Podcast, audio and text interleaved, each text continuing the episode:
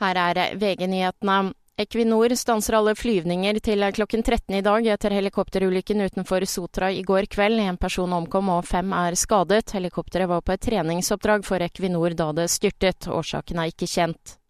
I Syria ble tre personer drept i et tyrkisk droneangrep mot en kristen milits. Flere personer, også sivile, ble såret i angrepet, ifølge NTB.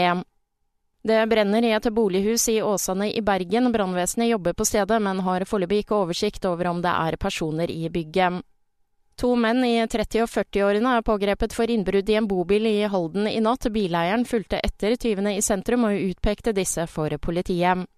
Det er skuddårsdag i dag, noe som betyr at tusenvis av nordmenn kan få feire bursdagen på den faktiske dagen sin. Per 1.1.2024 var det registrert 3648 personer i Norge med fødselsdato 29.2. Det opplyser Statistisk sentralbyrå til NTB.